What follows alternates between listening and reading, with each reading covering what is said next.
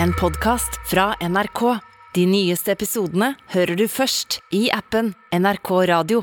Da er det folksomt i Nyhetsmorgens studio.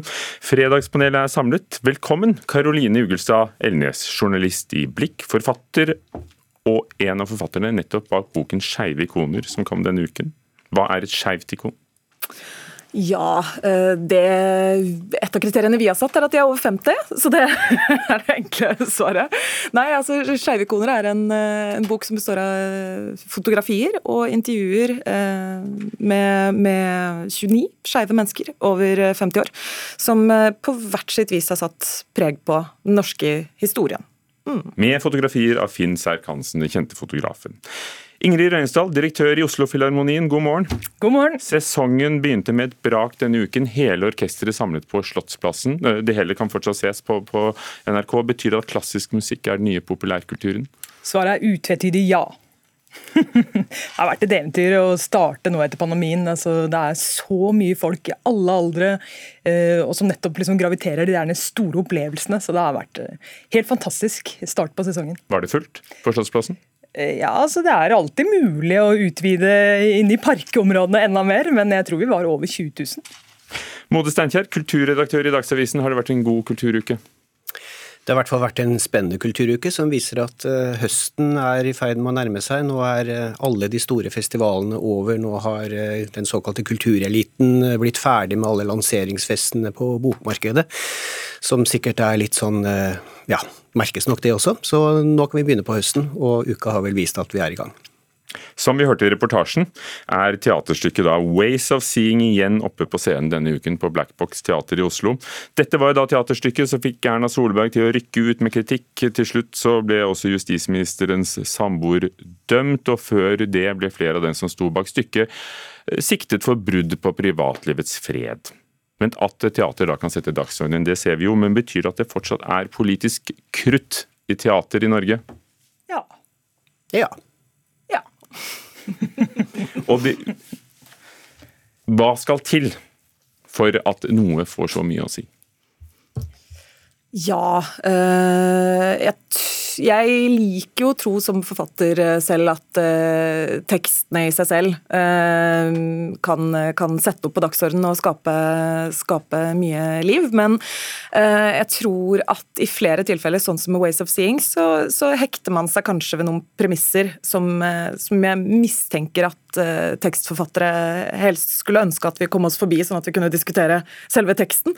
Jeg tror, jeg tror Ways of Seeing var et litt sånn eksempel eksempel på, på, at vi ikke diskuterte stykket så mye. Det er jo ikke, alle i Norge har jo ikke sett stykket. De færreste har sett stykket? De færreste har sett stykket, det stemmer. Eh, men at det ble veldig veldig stor debatt rundt andre mer tekniske ting i stykket. Eh, mm.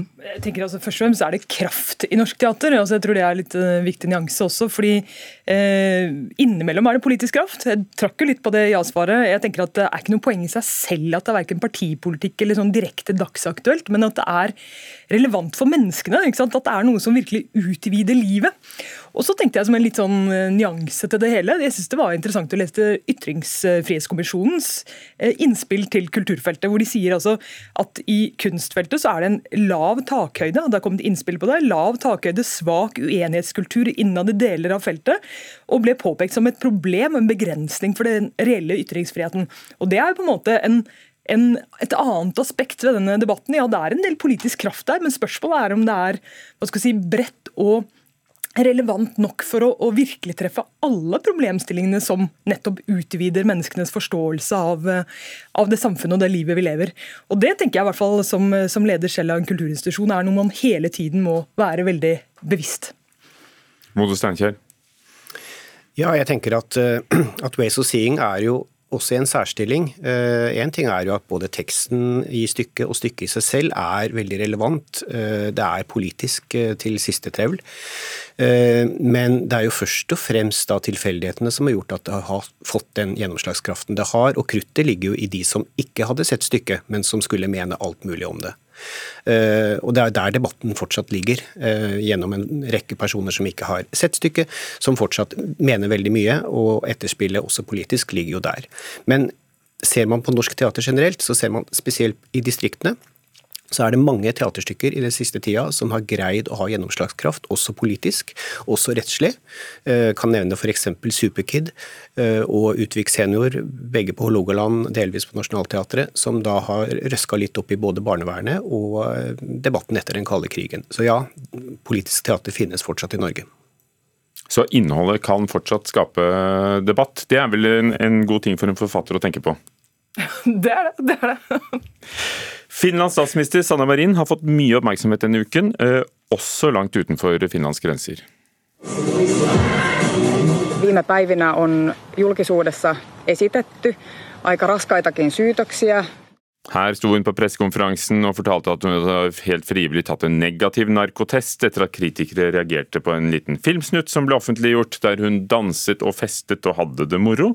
Og så har hun også beklaget et bilde av to kvinner som var på fest hjemme hos henne i statsministerboligen. Spørsmålet vårt er, ville vi eh, omtalt en lignende video med den norske statsministeren Jonas Gahr Støre like iherdig eh, hvis det var ham og ikke Sanna Marin? Karoline Ugelstad Elnes? Nja. Mode Steinkjer? Ikke helt sikker. Ingrid Reinesdal? Ja. Du tror det? Ja, jeg tenker at Vi debatterte jo, eller i hvert fall omtalte, eller media omtalte ganske betydelig bare en Jegermeister-flaske som sto på et kjøkkenbord på et eh, stillbilde. og jeg tenker at eh, Så vidt jeg husker, så var det også noen videoer om Trond Giske på et tidspunkt som eh, fikk en viss debatt. så jeg tenker jo, det er jo ikke jeg tror det er veldig mye med den rollen. Er, hun er en utrolig flott statsminister, syns jeg, og, og har på en måte mange typer eh, prototyper rundt statsministerrollen hun skal på en eller annen måte spille mot. Eh, så tenker jeg at en moderne statsminister Vi må også bruke denne debatten til å utvide hva det kan være. Hun er en moderne statsminister. Vi må få lov til å eh, påpeke at må være, vi må være rause med hverandre. De, er jo, eh, de må leve et liv, disse statsministrene også. Men Er ikke dette eksempelet på at folk ikke er så rause? da? Og Noen mener jo at det nettopp er fordi hun er en ung kvinne at, at rommet er litt mer begrenset? Ja, jeg tror det er derfor jeg svarer eh, nja. For jeg tror nok at en lignende video av Jonas Gahr Støre hadde fått uh, mye oppmerksomhet, men, uh, men, kanskje ikke blitt behandlet med et så stort uh, alvor.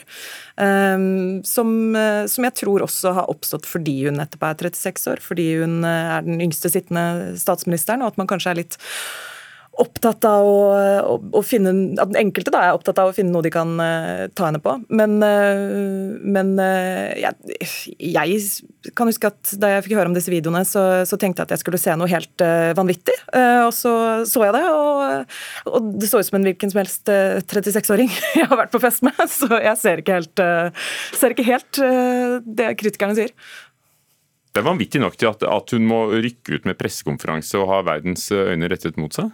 Jeg tenker jo at det, det trøkket som er mot henne, tror jeg er litt annerledes enn hvis det hadde vært Jonas Gahr Støre f.eks. Jeg tror at hun får veldig mye pga. alder, og også kjønn, dessverre. Eh, det er jo også et generasjonsskille her. Det er ikke et eh, generasjonsskille i så måte at ikke politikere har både festet og drukket før, men det er noe med hvordan sosiale medier blir brukt, hvordan alt havner ut med en gang, og hvordan det også da brukes i en eventuell kampanje mot den det gjelder. Eh, og jeg tror nok at eh, Hun gjør nok ikke noe annet enn hun alltid har gjort, og jeg syns det er veldig friskt med politikere som faktisk kan gå ut av seg selv og ut av rollen, selv når man er statsminister. Eh, men er det noe naivt i dette her, så er det i så fall at, at disse bildene er blitt tatt og spredd med en gang. Og det var kanskje ikke heller de helt forberedt på. Noe av kritikken er vel at det har vært overdekket i, i, media. Har dere noen meninger om det? Det var jo bl.a. på førstesiden deres og hovedoppslag i Dagsrevyen har det vært. Og... Ja, vi vil jo forklare hvem, hvem er hvem, hvem, er denne personen? Uh, en ung statsminister, den yngste noensinne i verden. Uh, men, men, det er klart at uh, jeg tror nok at man kan si at det har vært overdekka i måten i hvert fall alvorlighetsgraden av dette her. Som, man, som du sier, når man ser videoen, så er jo ikke dette her annet enn det vanlige 30-åringer gjør omtrent hver helg, kanskje. Jeg synes det er et relevant eh, perspektiv eh, du bringer inn, programleder. For det er jo klart det er det massive i denne dekningen også som åpenbart er en kjempebelastning. Så det at man eh, bare får reflektert over hvordan man dekker sånne type eh, situasjoner, en sånn type hendelse, tenker jeg er i seg selv en viktig debatt. Da. For det, er, det, må være mulig å leve et liv og være statsminister, og, og dette syns jeg egentlig minner oss litt om at det, dette må vi være enda mer bevisst framover. Nytt spørsmål. Vibeke Løkkeberg, kjent størrelse i norsk film og kultur, gikk utenfor manuskriptet da hun delte ut pris under årets Amanda-utdeling på den norske filmfestivalen i Haugesund. Jeg vil bruke anledningen til å se det fra en kvinnes ståsted. At jeg må gjøre noen ting. Det kan ikke være slik at fordi at man har fått seriemuligheter i TV, så puttes kvinnelige filmregissører dit, og mennene kupper norsk filmbransje, slik som jeg ser her i kveld. Har Vibeke Løkkeberg rett? Har mennene kuppet filmen i Norge? Mode Steinkjer. Mennene har vel dessverre alltid vært der. Ingrid. Ja. Ja, øh, men øh, følger også opp med det, kanskje det samme tja som på forrige spørsmål, for jeg er enig med Mode. Øh, at jeg tror mennene alltid har vært der. og jeg tror at eh, det problemet som eh, Løkkeberg eh, skisserer er litt todelt. For det første så handler det om midler. Og akkurat Norsk Filminstitutts midler har jeg ikke så mye peiling på at jeg går veldig mye inn på. Men jeg tror at det også handler om holdninger i bransjen. At man også ser en tendens til at mannlige filmskapere og regissører velger å jobbe med menn, men også at man ser at kvinner velger å gjøre det samme. Så det er kanskje både midler og fordeling av midler dette handler om, men også en kultur da, rundt film og hvilke samarbeidspartnere man velger. Er vi langt unna likestilling i, i norsk kulturliv, og ikke bare film? Nei, det tror jeg ikke vi kan si at vi er. Men tenker, altså, grunnen til at jeg sa nei, er for at jeg opplever ikke at dette er noe kupp. Altså, dette har vært strukturelle Det bare er sånn? Eh, nei, altså, det har vært sånn veldig lenge. Og jeg opplever jo tvert imot at det har vært en svært sterk bevissthet om å prøve å få kvinner mye større inn, få kvinners fortellinger mye, mye mer inn. Eh, det er et seigt arbeid, men jeg opplever at det er en høy, høy, grad av bevissthet rundt det. Og at det fortsatt er en utfordring, det, det må vi kunne erkjenne. Her er det store midler som går til å fortelle viktige historier for, for landet vårt. og det er klart at eh, Da må man alltid tilstrebe en, en, bevissthet om at det er et mangfold av historier som kommer ut. Men eh, som sagt, det er kupp jeg mener det er eh, eh, feil. Du har fulgt filmbransjen i flere tiår, Mode Steinkjer. Mm. Etter utallige initiativer, er det fortsatt ikke likestilling i norsk film? Ikke helt. Ehm, det nærmer seg kanskje på noen punkter, eh, og dette ligger jo da i Det er jo myndighetene, særlig da ved, ved Norsk Filminstitutt, som har et ansvar her for å både sørge for insentiver som kan gjøre dette mulig, eh, men også pumpe, pumpe midler inn i det og løfte fram kvinnelige filmskapere.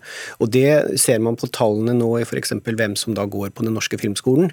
Eh, de senere kullene så er det likestilling, og faktisk vel så det. Litt av utfordringen er jo at alle de som da utdannes også skal ha jobb når de kommer ut. Og der må det tilrettelegging til. Eh, mer enn å bare telle hoder når en produksjon skal få støtte.